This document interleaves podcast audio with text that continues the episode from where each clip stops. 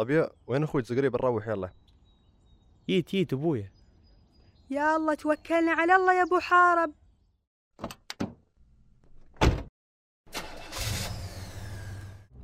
شوفوا شوفوا هالفيديو.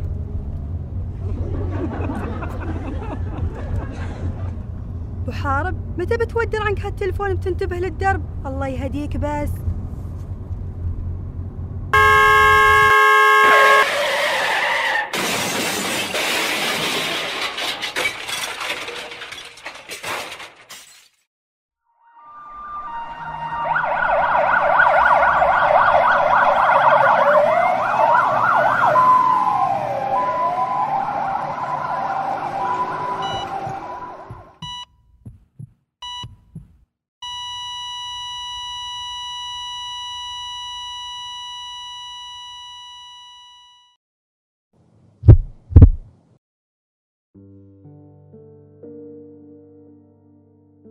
من بين ضحكات الأطفال وقهقهة الكبار صوت يفجع القلب ويكسره ألم يحن موعد العودة للمنزل؟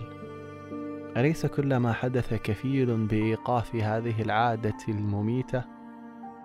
هل كان كل هذا يستحق؟ أليست كل القصص التي عشناها وسمعناها. جديرة بجعل الأرقام والإحصاءات تتناقص؟ هناك من ينتظر عودتك للمنزل سالما معافى وهناك من ينتظر لحظة معانقتك بعد غياب طويل. فكم من أرواح فقدت أحباءها بسبب إهمالهم. ولو أن الإهمال هنا ليس عذرا بل جريمة هل كان كل هذا يستحق؟ لم يكن ما حصل صدفة بل كان نتيجة تحمل معها العواقب ويا لها من عواقب. هل كان كل هذا يستحق؟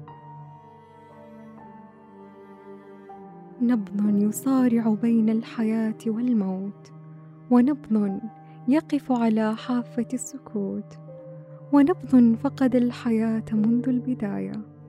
فهل كان كل هذا يستحق؟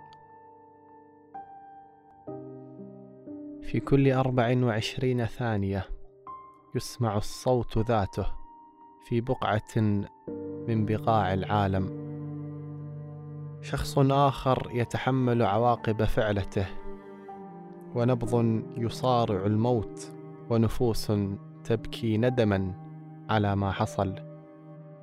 لا لم يكن كل هذا يستحق.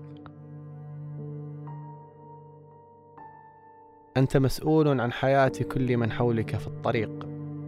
لا تدع الهاتف فاصلا بينك وبين عائلتك. فصدقني لن تستطيع تحمل العواقب. وتذكر دائما أن حياتك وحياة الآخرين بين يديك. يا ليتني انتبهت.